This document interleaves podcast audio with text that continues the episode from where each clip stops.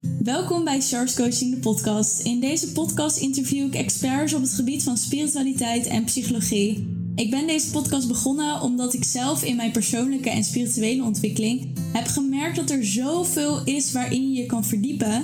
Maar wat spreekt mij nou dan precies aan en welke dingen wil ik nou precies leren? Door experts te interviewen op deze gebieden kan jij al een overzicht krijgen van alle gebieden waarin jij je kan verdiepen om meer en positieve spirituele en persoonlijke ontwikkeling te ervaren.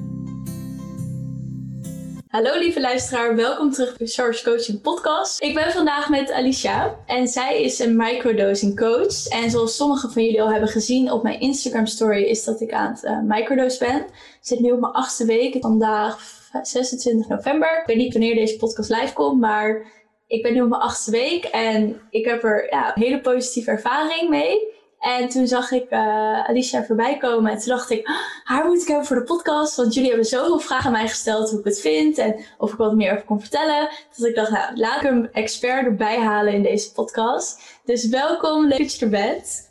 Vind ik ook. Dank je wel dat ik uh, in deze podcast uh, mag zijn. Dat je me hebt uitgenodigd. En super spannend om op deze manier ja, toch mijn verhaal te kunnen doen. Alsjeblieft, kan je misschien uh, ons vertellen wie je bent en wat je doet?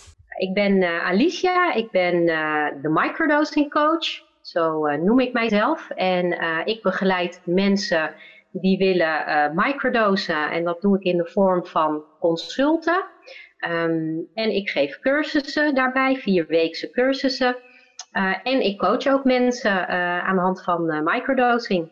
Ja, super cool. Maar hoe is dit begonnen? Want je bent een aantal jaar geleden zelf begonnen met microdosing. Ja, het is een, uh, een heel lang verhaal. Ik kan er eigenlijk een boek over schrijven, maar ik zal het uh, kort houden. um, nou, zoals eigenlijk met heel veel mensen uh, het geval is, was het bij mij ook zo. Ik, ik werd ziek. Um, ik had een, een zware burn-out en later bleek dat het een posttraumatische stressstoornis was waar ik eigenlijk al mijn hele leven lang uh, mee rondliep. Um, en tot dan toe hielpen de traditionele behandelingen mij niet voldoende. Ik uh, heb jaren gelopen bij psychologen, psychotherapeuten, uh, workshops gedaan, nou noem het maar op. En toen werd ik weer ziek. Dit was de tweede keer. De eerste keer was op mijn 24ste. Ik ben nu 39. Vijf jaar geleden was dit inmiddels. En toen dacht ik, nou, daar gaan we weer. En ik wist intuïtief ik heb wat pittigers nodig. En uh, toen kwam ik, per toeval kwam ik uh, bij iemand, een alternatief therapeut, die maandelijks ayahuasca-sessies uh, begeleidde, ayahuasca-ceremonies. En het heeft nog heel eventjes geduurd voordat ik het aandurfde. Maar um, ja, het was de beste beslissing die ik uh, kon nemen. Na de tweede ayahuasca-ceremonie was ik uit mijn depressie. En ik was nog steeds ziek, want ik had, ik had een heleboel. Um, maar gaandeweg leerde ik steeds meer deze middelen beter kennen in volledige dosissen. Op een gegeven moment ben ik ook microdosing gaan doen. En ik merkte dat dat mij uh, heel erg hielp. En dat heeft mij uiteindelijk uh, heeft het mij geholpen om hier uit te komen. Wauw, cool. Ik vind het ook zo bijzonder om in alle interviews die ik heb om te horen hoe iedereen op zijn eigen manier ergens uit is gekomen. Is jij dan door ayahuasca, microdosing en iemand anders die ik ken weer door de wet van aantrekking. Ja, ik vind het heel bijzonder. Want op het moment dat jij de ayahuasca ceremonie ging doen, dus ik heb heel vaak gelezen, wat ik ook voor de podcast vertelde, van uh, je moet je geroepen voelen tot moeder ayahuasca. Was dat bij jou ook het geval? Of had je juist verhalen gehoord van mensen die eruit zijn gekomen door middel van ayahuasca? Oh nee, ik was de eerste. Ik was de eerste in mijn vriendengroep. Ik kende niemand. Um, maar ik had wel documentaires gezien. Uh, maar ja, die Amerikaanse. En dan, uh, je weet wel wat je voorbij ziet komen. Mensen uh, die overgeven, hun demonen komen voorbij. Um, ergens wist ik, ik heb dit nodig voor die traumaverwerking. Maar ik durfde het niet. Dus het heeft vier jaar geduurd. Totdat deze therapeut op mijn pad kwam. Um, en dan nog, uh, toen, ik, uh, toen ik dat hoorde, ik kreeg helemaal kippenvel dat hij dit deed. En ik wist, dit is geen toeval dat jij nu op mijn pad komt. Uh, want wij hebben elkaar wat te brengen. En nou, dat klopte ook. toen heeft het nog eventjes geduurd voordat ik gehoor durf te geven aan de roep. Want ik voelde hem wel degelijk, maar ik had allerlei angstaanvallen en paniekaanvallen op dat moment. En ik was op dat moment bezig met mijn angsten onder ogen te zien. Dus het was ook weer een proces voordat ik echt klaar ervoor was. Ja, dat kan ik me voorstellen. En op het moment dat je dus je wel geroepen voelde, maar ook uh, ja, die angst voelde van, oh, dan ga ik echt alles heel veel verwerken en er echt diep in. Wat heeft er uiteindelijk voor gezorgd dat jij die stap toch wel ging zetten? Een sprankje zelfliefde, een sprankje, want ik voelde het niet. Ik voelde me zo slecht. En uh, het ging steeds slechter met mij. Ik zakte steeds meer in mijn depressie. En wat mij uiteindelijk over de streep heeft getrokken was, ik heb niks meer te verliezen. Dus ik ga het gewoon doen. Wauw, ik heb gewoon kippenvel. Mm. ja, en hoe was het na de ceremonie? Want ik weet niet of je iets wilt delen over de ceremonie zelf, hoe je dat hebt ervaren ook. Ja, zeker wel. Ja hoor. Ja, ik heb trouwens hier YouTube-video's over opgenomen. Dus als oh, leuk. Dan zou ik die even in de show notes ook zetten voor de luisteraar. Ja, ja, dus als je die hele, complete ervaring wil horen, dan, uh, dan kun je die beluisteren. Die gaat over mijn allereerste ayahuasca-ceremonie. En uh, gaat, de volgende gaat over een jaar later. Wat heeft het mij allemaal opgebracht, al die ceremonies. Maar um, ja, mijn, mijn eerste ceremonie, ja, dat vond ik heel spannend, uiteraard. Um, ja, je probeert er open in te gaan zonder verwachting. Maar ja, we zijn mensen. Dus ik dacht, ik ga een zware tijd tegemoet. En nou, dat tegenovergestelde gebeurde. Niks was waar van al die stomme documentaires die ik had gezien. Ik had de tijd van mijn leven. Echt uh, super. En ik, ik dook uh, in bepaalde themaatjes. Maar wel heel uh, subtiel. Ik ging nog niet super de diepte in, omdat ik het idee had, en dat bleek achteraf ook kloppen, dit is een introductie. Ik ben nog niet klaar.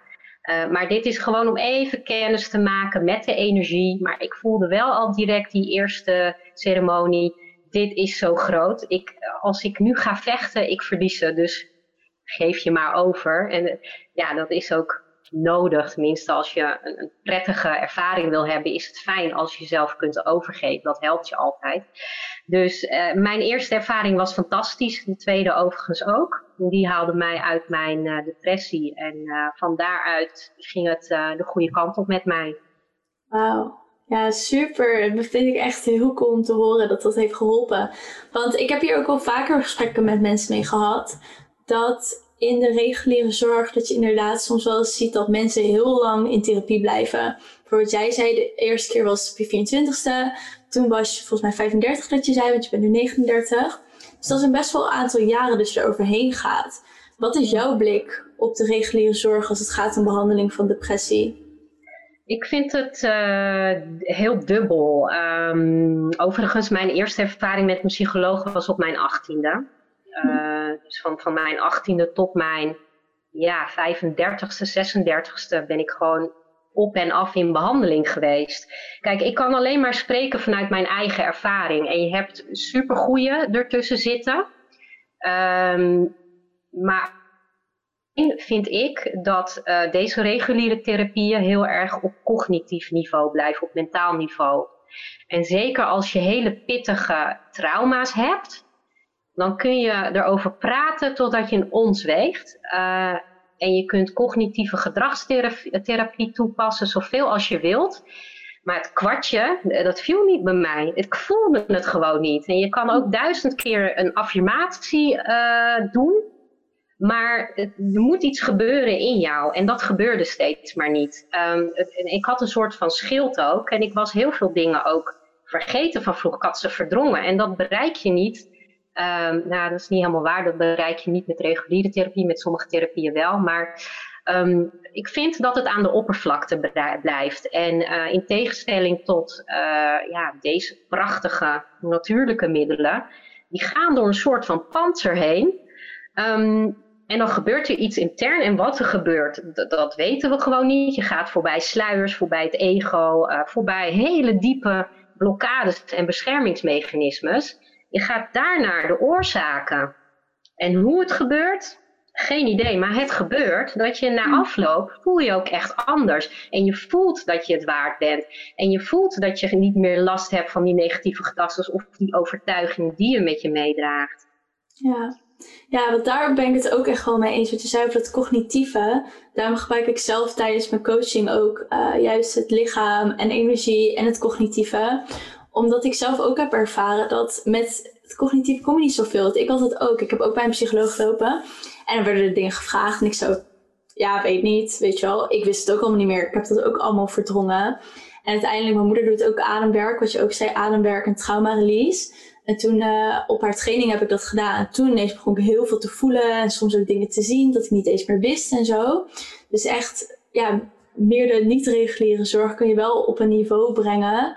Waarbij dingen verklaarbaar worden zonder dat je precies hoeft te weten hoe en wat. Maar wel dat je inderdaad kan voelen dat ineens iets eruit is. Zonder dat je precies wist wat het trauma was. Maar wel dat iets loskomt. Ja, precies. Ja, zo, zo heb ik het ook ervaren. Ja, mooi. En hoe ging het vanuit daar? Naar de, dat je zelf nu microdosing geeft? Vanuit daar. Nou kijk, het klinkt natuurlijk één groot een halleluja verhaal, maar dat is het niet. Ik bedoel, ik moest echt door de shit uh, met al deze middelen en zonder deze middelen. Het is niet een magic pill en, en het is klaar. Nee, je moet zelf ook knijterhard werken. En dat heb ik ook gedaan. En um, ja, van alles heb ik daarnaast gedaan. Mindfulness, uh, uh, traumatherapieverwerking, EMDR, noem het maar op. Um, ja, het was heel zwaar. Heel zwaar. Um, in spirituele kringen hebben ze het wel eens over de, de donkere nacht van de ziel. Nou, ik heb hem ervaren. Zo, het was echt uh, heel, heel pittig, heel zwaar. En ook soms heel eenzaam en, en gek. Omdat je, nou, misschien herkennen sommige mensen dit wel. Maar je laat iets los, iets ouds. Dat is super eng om dat los te laten op een gegeven moment kwam ik in een soort van gat of zo, zwart gat. En uh, het oude is er niet meer, maar het nieuwe ben ik, daar ben ik ook nog steeds. Ben ik nog niet. En ik heb ergens vertrouwen van het komt goed en zo, maar hoe of wat? Echt een beetje verdwaald uh, voelde ik me. Nou, op een gegeven moment ga je steeds meer stapjes zetten richting het nieuwe. En uh, ik voelde me ook steeds beter. Um, ik had steeds uh, minder last van mijn, van mijn klachten. Ik voelde me ook uh, ja, steeds beter in mijn vel. Um, en ik was natuurlijk ook zoveel bezig met plantmedicijnen, met heling. Ik heb een Facebookgroep opgericht, uh, Plant Spirit Medicijnen heet het. Uh, gewoon vanuit de roep, ik, ik wil dat veel meer mensen dit weten. Hoezo weten mensen dit niet? Um, nou, zo langzaam ontstonden ja, de fundamenten van, uh, van de microdosing coach. Niet van, ik had echt helemaal niet het idee, dit ga ik doen. Het ontstond gewoon. Um, nou, toen ben ik mensen uh, in mijn omgeving hiermee gaan helpen. Mensen die vroegen mij dingen en hoe zie, je, hoe zie jij dit en hoe pak jij dat aan? Nou, van daaruit ook vrienden gaan helpen, kennissen. En op een gegeven moment uh, ontstond het gewoon vanuit het, het volgen van mijn hart. Ik heb het niet met mijn hoofd bedacht, maar gewoon gevolgd wat ik leuk vond om te doen, ongeacht uh, wat andere mensen daarvan vonden. Want ja, kijk, ik doe natuurlijk niet alledaags werk, maar uh, ja, ik, ik vind het uh, zo bijzonder dat ik dit mag doen. Um, ik heb het bij mezelf gezien en, en nu ook bij anderen, bij klanten van mij. En, en ja, je hebt er wat zwaardere gevallen, mensen die echt getraumatiseerd zijn, die aan de antidepressiva zitten en die daarvan afkomen. Uh, met microdosing, met plantmedicijnen. Tot gewoon mensen die nieuwsgierig zijn en, en die gewoon uh, gefocuster, creatiever en, en lichter door het leven willen. Dus ja, super dankbaar dat, dat ik dit mag doen. Ja, heel vet. En ik vind het ook mooi hoe je zei van, um, dat er een soort van gat ontstaat op het moment dat je hiermee aan het werk gaat. Dat je dan het oude stuk loslaat. Want ik heb ook de laatste tijd gesprekken gehad met mensen via mijn DM. En toen zeiden ze ook van, uh, ja, ik vind coaching bijvoorbeeld heel spannend, omdat ik niet weet wat er komt. En wat er gebeurt als ik die stukken van mezelf loslaat. Dus ik vind het heel mooi dat je dat zegt. Van ja, het kan zijn dat er net een gat valt, maar je gaat het weer opvullen met iets nieuws. Dat wel bij jou past. En wat je wel wil hebben. Ja, en dat kan voelen alsof de grond onder je voeten vandaan zakt. En je hebt totaal geen houvast waar jij je vroeger aan vasthield. Dat is er niet meer En dan ja, zweef je eigenlijk in een soort niemandsland. En, maar dat is tegelijkertijd ook wel heel erg uh, mooi en stoer en goed. Um, en en uh, plantmedicijnen werken op deze manier. Hè? Dus zij dwingen jou uh, op een soort van manier om los te laten. Uh, symbolisch, zodat jij ook al die overtuigingen kunt loslaten die jou niet meer dienen. Gedachtes, gedrag, gevoelens, emoties weg daarmee. Maar zij, zij benadrukken dat zo dat je eigenlijk gewoon niet meer kunt dan gewoon loslaten. En, en natuurlijk is dat rete spannend en eng. Um, maar ja, de metafoor die ik daarbij vaak gebruik is die van een berg. Als mensen het spannend vinden of zo. En dan vertel ik hun, ja, je gaat nu uh, een berg op. En die ga je bewandelen, misschien met een kronkelweggetje, misschien ga je linksom, rechtsom, maar je gaat naar boven. Kan zijn dat je een beetje valt. Je kan niet zien wat er achter die berg is. Maar stel nou hè, dat het je lukt en je staat bovenaan die berg en je hebt durven loslaten en je staat erboven en je ziet die prachtige vallei. En daar ligt het beloofde land. Nou zeg, hoe blij ben je dan dat je het gedaan hebt? Toch? Ja, echt hoor. Ik vind dat een hele mooie metafoor. Die ga ik ook gebruiken. Ik gebruik dat heel vaak bij mijn klanten. ja, want dan krijgen mensen er een beeld bij. Dan snappen ze waar je het over hebt. Ja, ja en, en je, je saboteert jezelf uh, vaak. Hè? Vanuit veiligheid of angst. Hè? We hebben natuurlijk allemaal te maken met angst. En je weet wat je hebt en je weet niet uh, wat er gebeurt als je een bepaald pad gaat bewandelen. Dat weet je niet. Maar stel nou dat dat iets ja, echt prachtigs is. Wat, wat doe je jezelf dan tekort? Ja, echt hoor. Je kan altijd terug als het toch niet bevalt. Ja, dat is ook alweer zo inderdaad. Je kan altijd zeggen van nee, dit was toch niet uh, wat ik wilde. Dat kan inderdaad. En je zei net ook, op een gegeven moment ging ik vrienden ermee helpen. Want je vertelde net, uh, ik heb uh, twee, twee ayahuasca-ceremonies gedaan of ondertussen meer? Nee, ik heb heel veel gedaan. Ik, heb, oh. um, ik denk in de tussentijd zit ik op 23, 24. Ayahuasca-ceremonies? Ayahuasca en daarnaast heb ik ook nog andere plantmedicijnen verkend. Kambo, truffels, paddenstoelen. Ja. Oh ja, en dat zijn al die 23, gewoon al die verschillende dingen zijn dat? Nee hoor, 23 was echt alleen maar met ayahuasca. Wel, ja. Ik zat even te denken, bedoel ze nou wel of niet? Wow, dat is echt zo. En, en dat is de afgelopen vijf jaar geweest dan? Ja, afgelopen vijf jaar. Uh, maar ik heb wel een break gehad, omdat ik uh, zwanger ben geworden en uh, ik gaf borstvoeding. Maar ik heb in anderhalf jaar tijd heb ik iets van twintig ceremonies gedaan. Wow, dan heb je echt gewoon bijna elke twee weken of zo een ceremonie gedaan. Ja, er zaten ook dubbele ceremonies tussen hoor. Dus uh, vrijdag en zaterdag, dus twee keer achter elkaar. Maar het, is, het is veel, klopt. En um, ik moest ook van ver komen hoor. Ik moest echt van ver komen. Ik heb heel veel meegemaakt. Ja, want ik, zat, ik heb toen ook op Netflix heb je een documentaire serie en die heet, weet ik even niet meer, als ik hem weet zet ik hem in de show notes. Maar daarin kwam ook ayahuasca voorbij. En toen zag je ook hoeveel keer mensen soms hadden gedaan. Toen las ik ook 60 keer. Toen dacht ik 60 keer. Maar ja, nu spreek ik met iemand die 23 keer heeft gedaan of 20 keer een anderhalf jaar. Hoe is dat dan? Dat je echt elke maand hiermee bezig bent, dat je zo diep gaat? Dat was heel intensief. Ik, uh, wat ik overigens ook wil zeggen, het getal wil niks zeggen.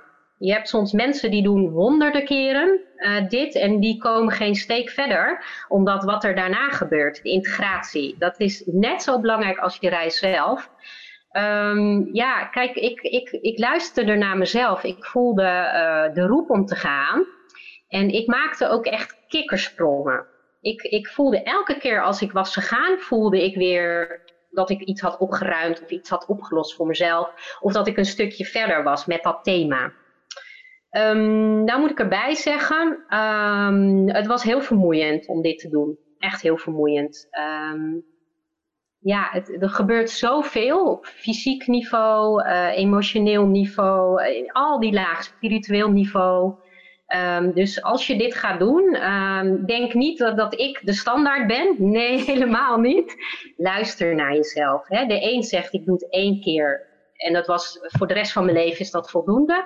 Helemaal prima. Een ander zegt, nou, ik doe het onder zoveel maanden. Maar luister naar jouw eigen innerlijke roep. Dat is het belangrijkste. Ja, ja mooi dat je dat er nog bij zegt. Ja, cool. En je vertelde net ook van, nou, ik heb ook kambo gedaan, ik heb ook truffels gedaan. En we zijn hier natuurlijk om wat meer te stellen over de truffel microdosing ook. Uh, Want ik heb het zelf ervaren en ik vond het wel leuk om dus jou erbij te halen, dat je wat meer over kon vertellen. En wat ik vooral als vraag ook kreeg daarover, uh, is hoe het is om microdosing te doen. Wat is het uh, nut daarvan? Wat is het effect van microdosing in plaats van een ceremonie een middag doen? Misschien dat je daar wat over kan vertellen?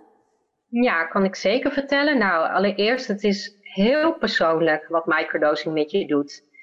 Um, hè, dus er zijn een aantal voordelen die je kunt ervaren van microdosing. Bijvoorbeeld een, een verbeterde stemming, meer energie, uh, meer creativiteit, meer productiviteit. Uh, misschien dat je meer verbinding met jezelf gaat ervaren of met anderen.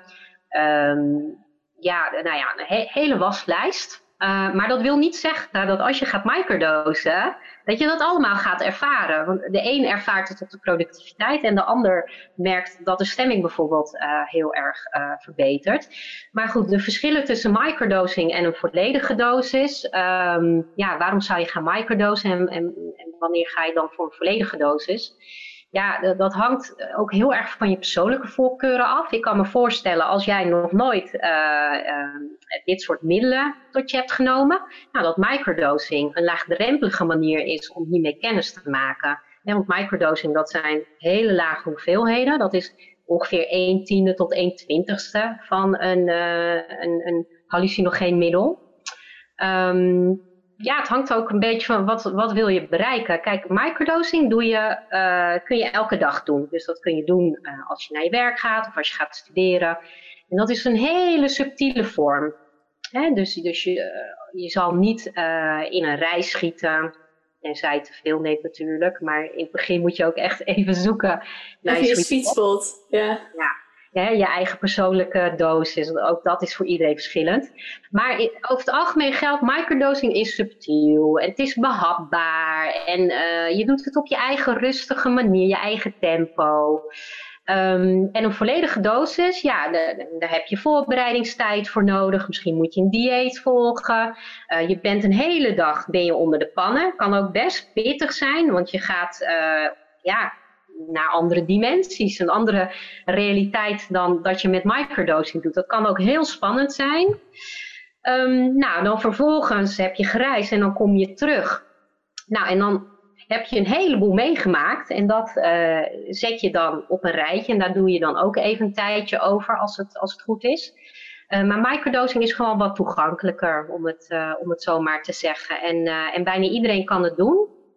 Uh, de volledige dosissen, um, ja, die kan ja, niet iedereen doen. Minder mensen kunnen die doen, laat ik het zo zeggen. Ja, en is het zo dat gewoon iedereen kan microdosen? Stel je voor iemand luistert die oh ik wil proberen en die doet het gewoon zonder begeleiding of zo? Ja, microdosing. Um, er zijn een aantal uh, mensen, veel mensen die het gewoon op eigen houtje doen. Prima, je kan uh, verse truffels kopen online. Uh, je kan zelf aan de slag uh, paddenstoelen kweken en, uh, en zelf capsules maken. Kan allemaal. Um, maar um, ja, je kunt, het ook, je kunt je ook laten begeleiden als je dat wil. Ja. dus daar ben ik voor. Ik merk een heleboel mensen vinden het gewoon heel spannend om dit in het dagelijks leven te gaan doen. En um, ja, die willen zich heel graag laten helpen van ook hoe vind je nou je sweet spot? Wat hoor je dan te voelen, wat niet? En ik merk dat mensen die bij mij een cursus volgen, de vierweekse cursus die ik uh, aanbied, dat die binnen vijf microdosing dagen hun sweet spot hebben gevonden. Dus dan loop je ook niet, uh, ja, ik wil nu een woord zeggen, mag waarschijnlijk niet. Dan, dan ga je, loop je niet te rommelen met, ja, dan loop je niet lang door met vragen, maar dan ga je snel van slag en dan, dan van een professional kun je ook horen van welk middel past er nu bij je, wat zijn je wensen. Uh, ik toets bijvoorbeeld ook een medicijngebruik, want over het algemeen uh, hè, kun je goed microdosen met, in combinatie met medicijnen. Maar misschien kent het wel een interactie Misschien heb jij juist iets meer nodig van de microdosing in tegenstelling tot iemand uh, die niet deze medicijnen neemt. Dus uh, ja. zo een beetje. Ja. ja, maar als ik dat zo hoor, lijkt het voor mij wel handig om het toch met begeleiding misschien voor het eerst doen. Dat je precies weet wat je nodig hebt en dat je het daarna op eigen houtje misschien kan doen. Ja, dat hoor ik heel vaak terug van mijn klanten. Van wat fijn dat ik uh, me door jou heb laten begeleiden. Want um, ja, mensen vinden het spannend. Of in een heel enkel geval, uh, het komt wel eens voor, niet heel vaak. Maar het komt voor dat mensen in een lichte reis schieten. Omdat ze net even te veel hebben genomen. Of omdat uh, het te hard binnenkwam. Ja, en dan is het fijn als je even iemand kunt bellen. Van joh, wat gebeurt er nu? Wat moet ik doen? Ja, precies. En um, wat ik ook nog wilde vragen is dat ik had bijvoorbeeld uh, begin dit jaar, heb ik toen voor het eerst heb ik een uh, gedaan, gewoon meer met vrienden, voor de grap. En daarna had ik gelezen dat je dus die microdosing kon doen. Dus ik dacht, oh, ik ga dat doen. En toen had ik gewoon via internet bij zo'n microdosing website waar alle info stond, had ik besteld. En ik zie, heb die ook vaak voorbij zien komen bij mensen. Toen kreeg ik zo'n, um, ja, een soort korreltjes van truffel. Die zaten een soort van die rondjes zo. Ik laat het even naar zien, dat ze misschien weten wat ik bedoel.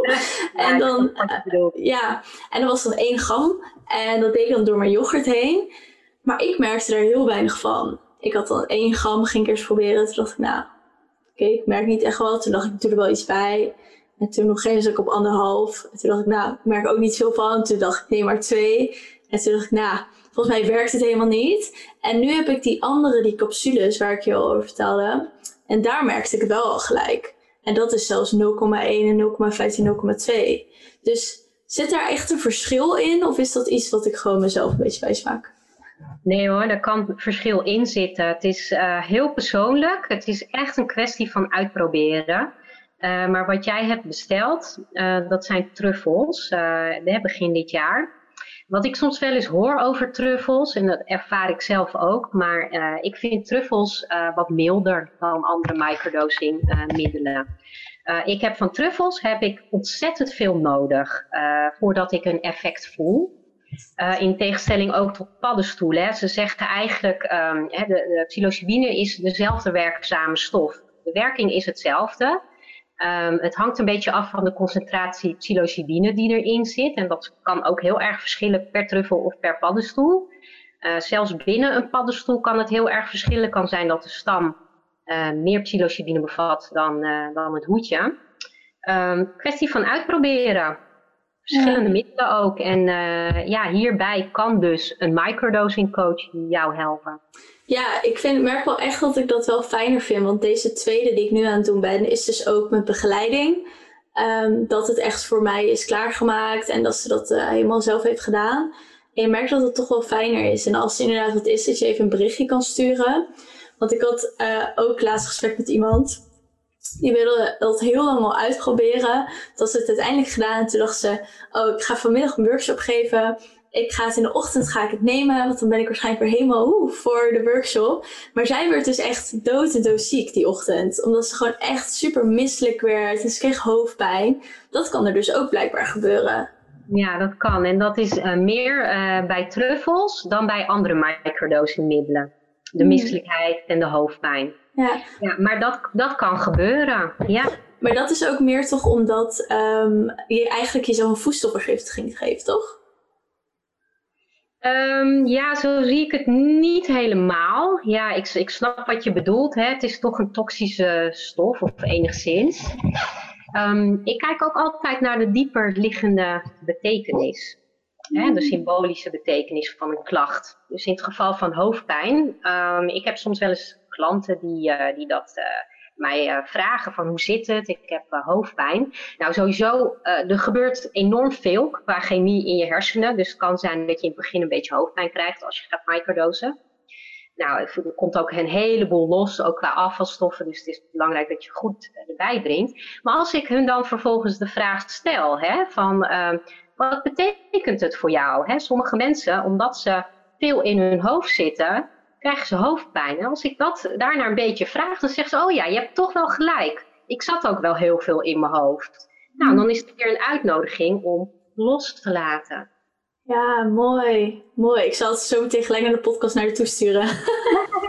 ik ben heel benieuwd. ja, ik ook. Oh, dat is natuurlijk ook. Ik heb er helemaal nog niet zo. Nu je zegt, denk ik, oh ja, dat is echt wel zo. Want ik had laatst ook in de workshop. Toen gebeurde iets dat. Um, gaf ik een workshop en toen liet iemand over de tekening die ze moest maken water vallen. En toen zei ik nog voor de grap van ja, wat betekent dat dan voor jou dat dit nu gebeurt? dus nu je dit zegt, denk ik, ja, er zit ook natuurlijk een betekenis gewoon achter. Ja, precies. En, en een coach of een begeleider, die kan eh, een beetje op knopjes bij je drukken, waar je zelf nog niet eerder aan gedacht had. Waardoor je eigenlijk meer uit de microdosing haalt dan dat je in eerste instantie in je eentje misschien eruit zou halen. Ja, ja, precies. Daar ben ik het echt wel mee eens. En, en wat ik me ook dus afvroeg is, uh, je hebt dus verschillen. Dus je zei net van bij truffels moet ik meer nemen, bij paddenstoelen zegt dat ook weer anders. En je vertelde net ook een beetje, leg je dat uit waar dat dan aan ligt. Wat is dan, als je bijvoorbeeld wil beginnen met microdosing, wat is dan het meest handige om mee te beginnen? Dat verschilt echt per persoon, want dat hangt af van uh, waar je last van hebt of wat je wil bereiken met de microdosing, wat je intentie is, maar ook welke medicijnen slik je, wat voor persoon ben je. Um, ja, ik kan wel een beetje globaal vertellen hè, per middel uh, wat het kan doen. Uh, maar dan nog, een kwestie van, van echt een, een, een op maat uh, gemaakt advies maken. Maar bijvoorbeeld truffels, dat is super toegankelijk. Truffels zijn legaal, die kun je gewoon online kopen. Dus uh, bewijs van kan je morgen al op een hele goedkope manier, kun je ermee aan de slag. Um, ja, wat ik wel vind van truffels, en dat zei ik eerder al, het geeft veel meer bijwerkingen, hoofdpijn, misselijkheid. Je hebt er wat meer van nodig. Um, nou, dan heb je de paddenstoelen. Uh, dat is, uh, naast de truffels is dat ook een van de middelen waar heel veel mee wordt gemicrodoseerd. Nou, paddenstoelen, dat is wel iets bewerkelijker als je daar zelf mee aan de slag wil. Maar dan ja, moet je de paddenstoelen zelf kweken of je moet iemand kennen die dat voor je doet. Maar dan moet je ze kweken. Ja, ik wilde vragen, waarom is dat dan illegaal? Waarom zijn truffels legaal en paddenstoelen illegaal? Dat je ze zelf moet kweken? Goeie vraag. Dat, uh, ik heb daar eigenlijk nog niet echt antwoord op. Maar wat ik, wat ik ervan. Um, een van de theorieën is. De wetgever is vergeten het op te nemen in de wet. Dat is een theorie. Een andere theorie is, truffels zijn milder. Dus vandaar dat de wetgever het niet heeft opgenomen uh, in de wet. Uh, wat nog meer? Um, ja, volgens mij zijn dat de twee smaakjes wat ik weet. Ja, ja dat vind ik wel interessant. Want ja. het, het, doet nog steeds hetzelfde inderdaad. Dan zou dat, mild, dat truffels milder zijn, zou me dan nog logisch lijken. Maar juist, waarom ja, dat het dan niet in de wet wordt neergezet als een geneesmiddel, een potentiële geneesmiddel of zo. Dat is dan. Uh... Ja, geneesmiddel, ja, dan moet je een heel medisch traject in hè, om, uh, om dat als geneesmiddel uh, aan te kunnen merken. Hmm. Um, ja, wat ik ervan weet, ik weet hier niet heel veel van hoor, maar volgens mij moet je ook iets van een patent uh, kunnen aanvragen erop. En met natuurlijke middelen is dat wat lastiger. Hoewel ik wel weet dat er nu allerlei klinische onderzoeken gaande zijn, ook in Nederland, door universiteiten die dit serieus aan het onderzoeken zijn als uh, bijvoorbeeld natuurlijk antidepressiefum of als middel tegen PTSS. Dus wie weet in de toekomst. Maar ja, er zitten wel wat, uh, wat haken en ogen aan. En wie, wie, wie mag dit dan straks voorschrijven? En heb je dan specialisten, psychologen, uh, die een vergunning hebben om met deze middelen te werken, wie ga je dan uitsluiten? Hè? Want dan gaat er iemand bepalen, jij mag dat wel nemen, jij mag dat niet. Ja. Dat ja, dat wordt wel heel lastig. En ik vind het ook mooi hoe je zegt dat er wel steeds meer onderzoek naar wordt gedaan. Want ik heb ook een podcastaflevering genomen, opgenomen over mijn uh, truffelceremonie. Oh nee, niet trouwens over de therapeutische, bedenk ik me net. Dit was weer een andere. Maar ik heb dus ook een therapeutische ceremonie gedaan, wat ik je vertelde, met dat ze echt muziek kregen. En degene die dit organiseerde, die komt uit Canada. En die is daar toen ook in behandeling geweest voor PTSS. En met uh, MDMA, microdosering MDMA. En toen uiteindelijk echt met uh, Magic Mushrooms, volgens mij, een ceremonie. Dus dan heb, is er therapeutische muziek gemaakt. Die is in een onderzoek, zijn ze, hebben ze dat in elkaar gezet. En in die ceremonie zelf had ik ook heel erg dat ik kreeg een koptelefoon op en uh, een uh, slaapmasker. En die muziek werd aangezet en dus je dat genomen. Maar door het effect wat je krijgt en de muziek, dat reageert zo erg op elkaar. Dat je echt van alles gaat voelen en zien. En het is echt zo bijzonder dat mensen erachter zijn gekomen dat het werkt. En welke muziek erop reageert. En in welke volgorde die muziek moet zijn. En wat voor soort muziek. Het is echt heel bijzonder. Ja, zeker. En, en ook dat is heel persoonlijk hoor, merk ik. Want um, weet je, er zijn mensen die gaan heel goed op, um, op klassieke muziek. Het is maar waar jouw persoonlijke voorkeur ligt. Andere mensen die zoeken het liever in, in shamanistische hoek en die uh, luisteren liever naar medicine songs. Maar, maar het klopt wat je zegt. Er zijn drie onderdelen die ontzettend bepalend zijn voor hoe jij uh, zo'n reis beleeft. Dat is de dosis. Uh, die is voor iedereen persoonlijk. Je hebt de set en de setting. De set die gaat over jou, jouw eigen mindset. Hoe ga je daar naartoe? Uh, ook over vaardigheden zoals controle loslaten. Je overgeven aan de ervaring. Hoe ga je daar naartoe? Heb je er zin in? Ben je al een beetje angstig? en de setting. En de setting, dat is wat jij net zei. De muziek, begeleider, die drukt natuurlijk ook ontzettend de stempel op, op hoe de reis verloopt.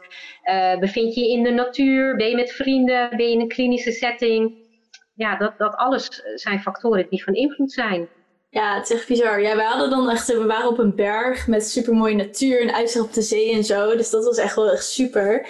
Maar ik weet ook nog dat ik, uh, ze hadden dan die nummers opgezet. Ik weet niet eens onder welke genre het valt, maar wel een beetje uh, van dat uh, shamanische muziek en een beetje die trant. En ik weet nog dat er een nummer werd opgezet. En dat ik ineens een heel diep stuk van mezelf ging. En dat ik dat allemaal dingen voor me zag. En ik zat helemaal met mezelf te verwerken. En de muziek veranderde. En ik hoorde van, van dat muziek uit India. Met van die ding, ding, ding, ding, ding, ding. Beetje van die happy muziek. En ik zat echt zo van... Huh? Wat? Nee, dit kan echt niet. En mijn hele stemming sloeg om. En ik moest zo hard lachen. En ik dacht, kan echt niet. Waarom zit je dit nummer nou op? Dus dat is ook heel leuk. Dat in die reis ging het ook van best wel een diep stuk. Naar ineens dat je keihard aan het lachen was. En je net een kind voelde. En dat je weer buiten aan het spelen was. Dus dat vind ik ook wel mooi. Dat het ook, het hoeft niet, um, heb ik er hoe ik het heb ervaren. Het hoeft niet alleen maar diep te gaan. Het gaat eigenlijk een beetje een soort van pieken en dalen. Van oh, nu ga je diep en nu ga je weer lachen. Ja, ja, dus dat kun je zelf ook bedenken tijdens zo'n reis. Als je bijvoorbeeld in een uh, lastig stuk zit, ook dat gaat voorbij. Ja. Net als in het echte leven ook golven. Ja, precies. Ja, ja en hoe ik ook truffels heb ervaren, is um, dat voor mijn gevoel, als ik echt de ceremonie deed, daarom was ik ook zo benieuwd naar de microdosing, dat toen de ceremonie deed, dacht ik echt, wow, maar dit voelt echt als mijn normale manier van denken, hoe het hoort te zijn. En mijn creatieve kant, hoe het hoort te zijn. Zo'n gevoel kreeg ik er heel erg van. Hoe ik aan het praten was, hoe ik dacht over dingen keek. Ik dacht, huh, dit is volgens mij hoe het hoort te zijn. Zonder inderdaad al die lagen en sluiers die er omheen hangen. Ja, precies. Al die dingen die het soms moeilijk maken om... Uh dat het niet lekker stroomt dan soms, ja. En jij vertelt nu uh, over de, de truffelervaring. Um, ik ben eigenlijk ook even benieuwd hoe jij de microdosing hebt ervaren. Ja, vragen? ja, tuurlijk, tuurlijk. Ja, ik heb die heel fijn ervaren. Ik had eerst, uh, de eer, ik neem me elke woensdag en zondag. Daar had je een naam voor, zei je toch, als je het op twee vaste dagen doet? Ja, jij volgt het Fadiman-protocol. Protocol. Dus dat is uh, één dag wel, twee dagen niet. En dan begin je weer overnieuw. Ja, ik was even de naam kwijt, maar jij zei het heel mooi. Thanks daarvoor. En de eerste week, um, eerste twee weken eigenlijk, was ik heel erg nog een sweet spot aan het vinden. Ik had echt wel een keer dat ik dan uh, dat ik net te veel had genomen en dat ik bijvoorbeeld een podcast aan het opnemen was. En ineens voelde ik echt alsof die soort insloeg. En ik dacht, oh shit, ik heb te veel. maar ik kon gewoon nog wel normaal functioneren, maar je merkte het ineens dat ik wat waziger in mijn ogen ging kijken. En dus na twee weken had ik het ongeveer, dacht oké, dit is hem wel. En ik heb het heel fijn ervaren, maar ook omdat ik echt de tijd ervoor nam. Dus ik heb hem soms ook in combinatie met cacao gedronken, met uh, de palmedische cacao. En dan op het moment dat ik het nam, nam ik ook echt de tijd om het even te laten inwerken. Dus had ik het net genomen, dan ging ik bijvoorbeeld even naar de meditatiekamer. En dan had ik uh, of mijn cacao bij, of ik ging gewoon even mediteren een half uur. Om echt tot mezelf te komen, want dat was vooral mijn intentie om meer tot mezelf te komen, um, meer verbinding met mezelf te voelen, meer toe te laten ook. En door dat erbij te doen, voelde ik dat nog meer. Dat ik echt even het moment ervoor nam om dat te creëren. En door de dag heen voelde ik eigenlijk ja, heel subtiel dingetjes. Dat bijvoorbeeld dat, ik dat ik in een café was bij mijn moeder. En toen waren we aan het eten en zij zei wat en ineens ging de muziek aan en mensen begonnen ineens harder te praten. En dat ik toen heel erg kreeg, oh, dat ik ineens, alles viel me ineens op. Dus niet alleen het gesprek met mijn moeder, maar ook het gesprek daar en de muziek ineens. En dan, dat soort dingen vielen me dan ineens meer op als ik het had genomen. Dat je gewoon veel meer in het nu bent, veel meer je zintuigen geprikkeld zijn. Mooi hoor, ja, dat, dat hoor ik vaker inderdaad. Ja, meer in het moment. Sommige mensen worden assertiever, het maakt je minder uit wat, wat mensen over je denken. Je kan gedachten meer uh, vanaf een afstandje bekijken. je observeert meer. Je zintuigen staan op scherp.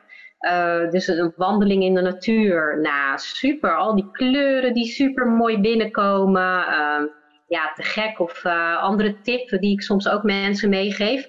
Ga een wandeling maken in de natuur als je die dag hebt gemicrodosed. En zet dan uh, koptelefoon op met 432 hertz muziek binaural beats. Nou. Oh, cool. Ik heb nu ook kippenvuil, dus volgens mij moet ik dat doen. ja, ik het zeker doen. En dan hoor ik wel van je hoe je het vond. ja, is goed. Ja, ik mag zondag weer, dus dan ga ik het dan even opzetten. Ja, super cool. Dus ik heb het echt wel positief ervaren. Het is ook als mensen er naar mij vroegen van ja, zou je het aanraden? Zei ik wel van ja, ik zou wel, uh, ik ga het wel aan om het onder begeleiding te doen, want dat heb ik zelf wel eens fijn ervaren. Dat niet dat je het zomaar neemt. Maar ik vind wel echt iets, uh, een soort ontdekkingstocht met jezelf ook vooral.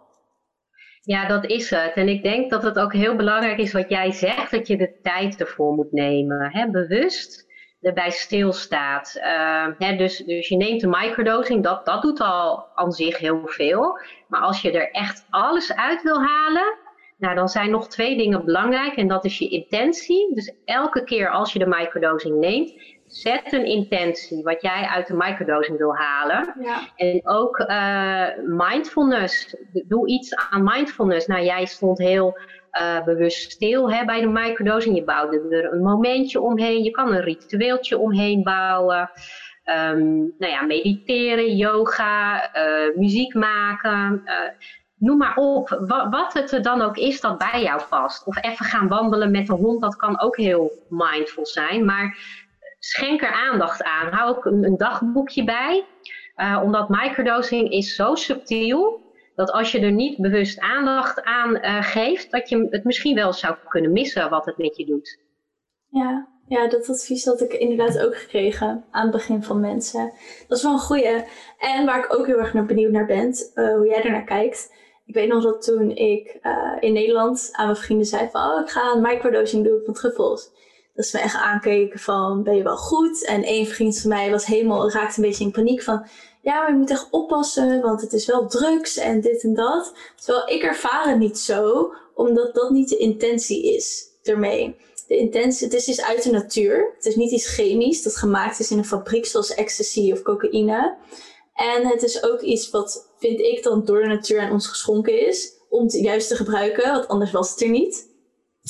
Um, en ook dat het juist zorgt voor die verbinding met jezelf. Als je die intenties gebruikt. En wat ik ook zei, hoe ik me voelde door, ja, daardoor, van dat het meer klopte. Dat, je, dat dat juist de creatie eruit is. Dus dat ik het daardoor helemaal niet in dat hokje plaatste. Maar ik ben heel erg benieuwd, hoe kijk jij daarna of hoe reageerde jouw omgeving erop toen je daarmee begon? Ja, dat vind ik wel een hele mooie vraag. Um, kijk, inmiddels ja, zit ik er best wel diep in. Dus ik kom er ook gewoon, iedereen weet wat ik doe en daar maak ik geen geheim van. Um, het is wat jij zegt, het is maar net de intentie waarmee je het doet. En uh, het kan natuurlijk super leuk zijn om een keer te gaan truffelen met vrienden. Doen.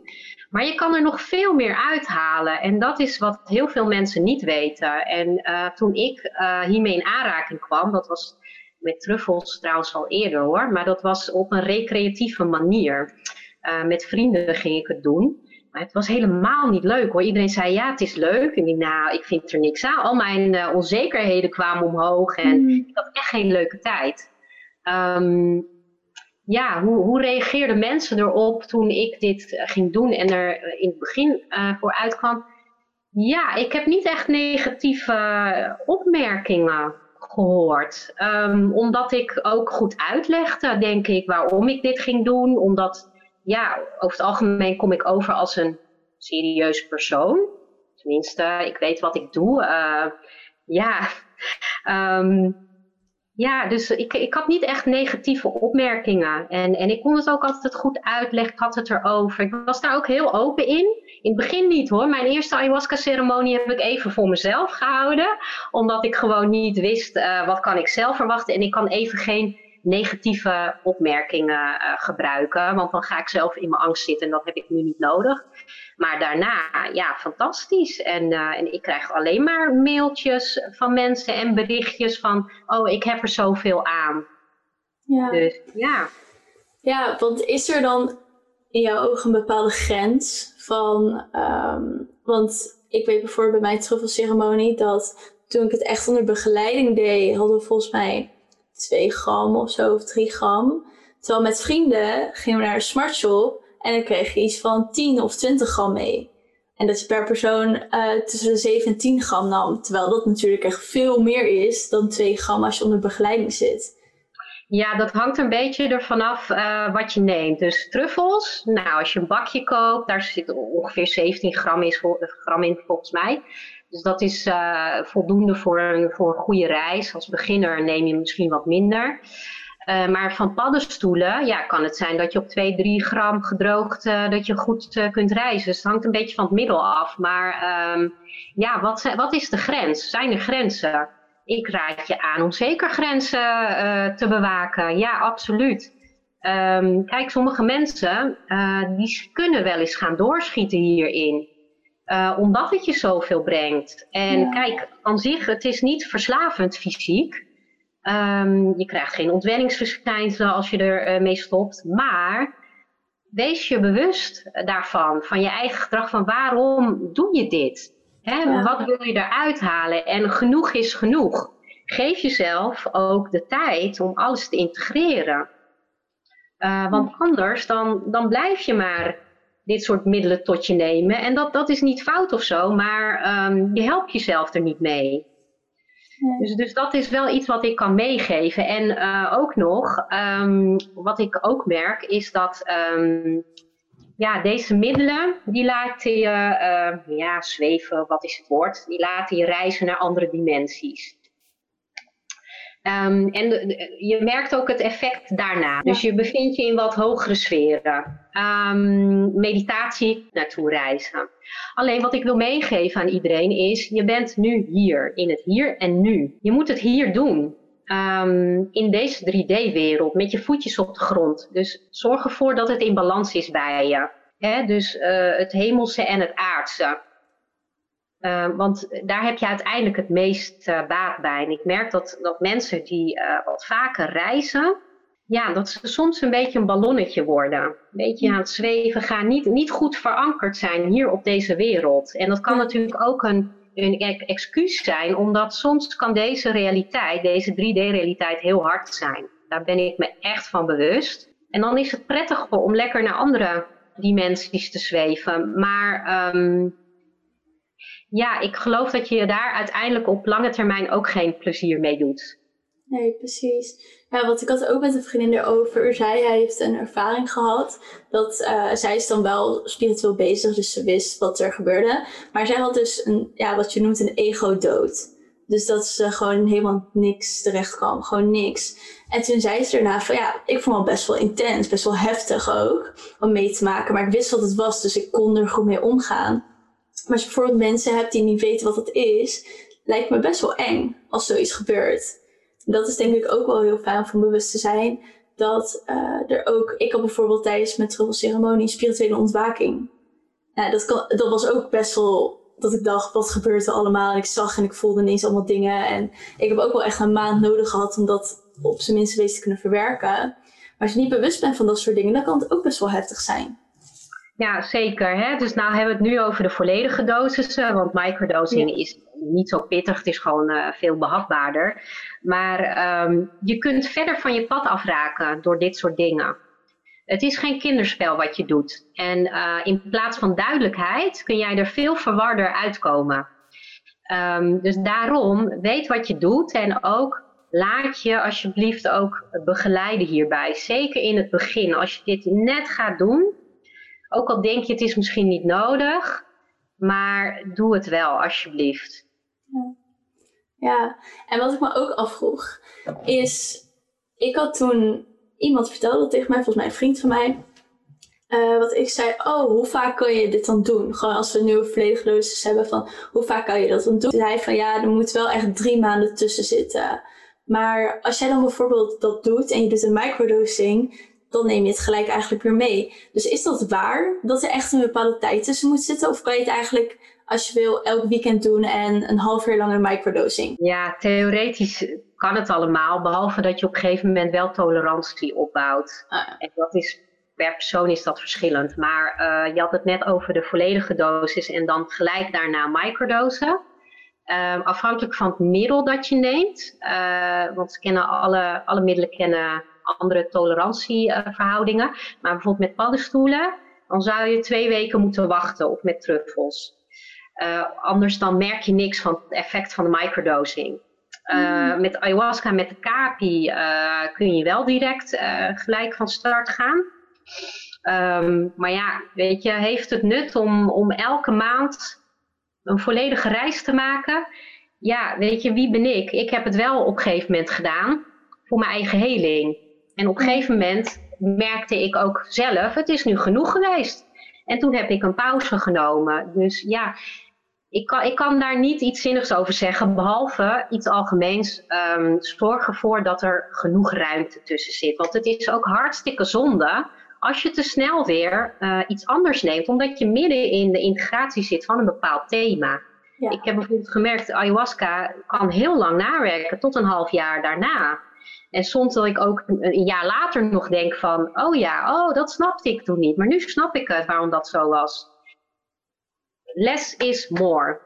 Ja, mooi. Ik denk inderdaad dat dat ook vooral mooi is om mee te nemen van het integratieproces. Ik denk van als ik jou nu zo heb gehoord, is als je als luisteraar, als je bedenkt, uh, ik wil microdosing gaan doen, of misschien een volledige dosis. Dus je, wat is je intentie? Waarom zou je het willen doen? En ook um, het integratiestuk inderdaad. Dus je niet gelijk denkt, wow, dit was geweldig, ik ga het morgen weer doen. Maar laat het even gewoon zakken, oké? Minimaal twee weken, als ik jou zo hoor. Van laat het even gewoon op je afkomen. Ja, minimaal en eigenlijk ook wel uh, toch wel iets meer hoor. Uh, zeker, ja. ja. ja. Ja, en, en bij alles wat je doet, um, maak onderscheid tussen hardgedreven energie of ego-energie. Um, weet je, als ik merk, ik maak een beslissing vanuit hardgedreven energie, heb ik er uiteindelijk veel meer aan. En, eh, en ook zelfs als je super spiritueel bent en, en super bewust, want je neemt al deze middelen. Nou, daar ben ik van op teruggekomen hoor. Ik heb heel veel ego gezien en, en ook ik zelf heb nog hartstikke veel ego. Um, elk, maar wees je bewust van, ga echt goed bij jezelf te raden. Voel ik nu echt de roep of is dit nu mijn ego? Ja, mooi, mooi. Is er nog iets uh, wat je zou willen meegeven aan de luisteraar? Nou ja, volgens mij is alles al gezegd. Um, weet je, voel je de roep, volg je intuïtie en um, ja, wees je ervan bewust. Het is geen kinderspel, zelfs niet in microdosing vorm. Maar het kan je wel ontzettend veel opleveren. Ja, zeker. Ja, mooi. En ook dat stuk gewoon van begeleiding. Weet je wel, als je het probeert, kijk gewoon of je het begeleid kan laten worden. Zoals door jou. Ja, nou, zeker. Van harte welkom. Precies. Ik ga al jouw gegevens ga ik in de show notes zetten. Dus luister, je kan uh, alle gegevens Alicia vinden in de show notes. Haar site, haar Instagram. En ook de YouTube-video's waarin ze deelt over de ayahuasca-reis. Dus die kun je daar ook vinden. En dan wil ik jou heel erg bedanken voor deze podcastaflevering met informatie. Wellicht dat hier misschien nog vragen van komen van de luisteraars, dat we er nog eentje opnemen waarin we echt vragen gaan beantwoorden. Maar ik vond het in ieder geval heel leuk om dit jouw verhaal te horen en ook meer in stukken te delen. Ja, nou super. Ja, jij dankjewel Charmaine. Want ja, ik vind het een co-creatie en blijkbaar zaten we op een zelfde frequentie of ongeveer, dat het gewoon lekker stroomde en dat we gewoon een hele mooie aflevering hebben kunnen maken. Ja, precies. En luisteraar, mocht je deze aflevering leuk vinden of je hebt nog vragen, stel ze gerust aan ons via Instagram. En laat even een review achter op iTunes, zodat de podcast beter bevindbaar is. En dan zeg ik hierbij doei tegen Alicia. Dankjewel. Dankjewel.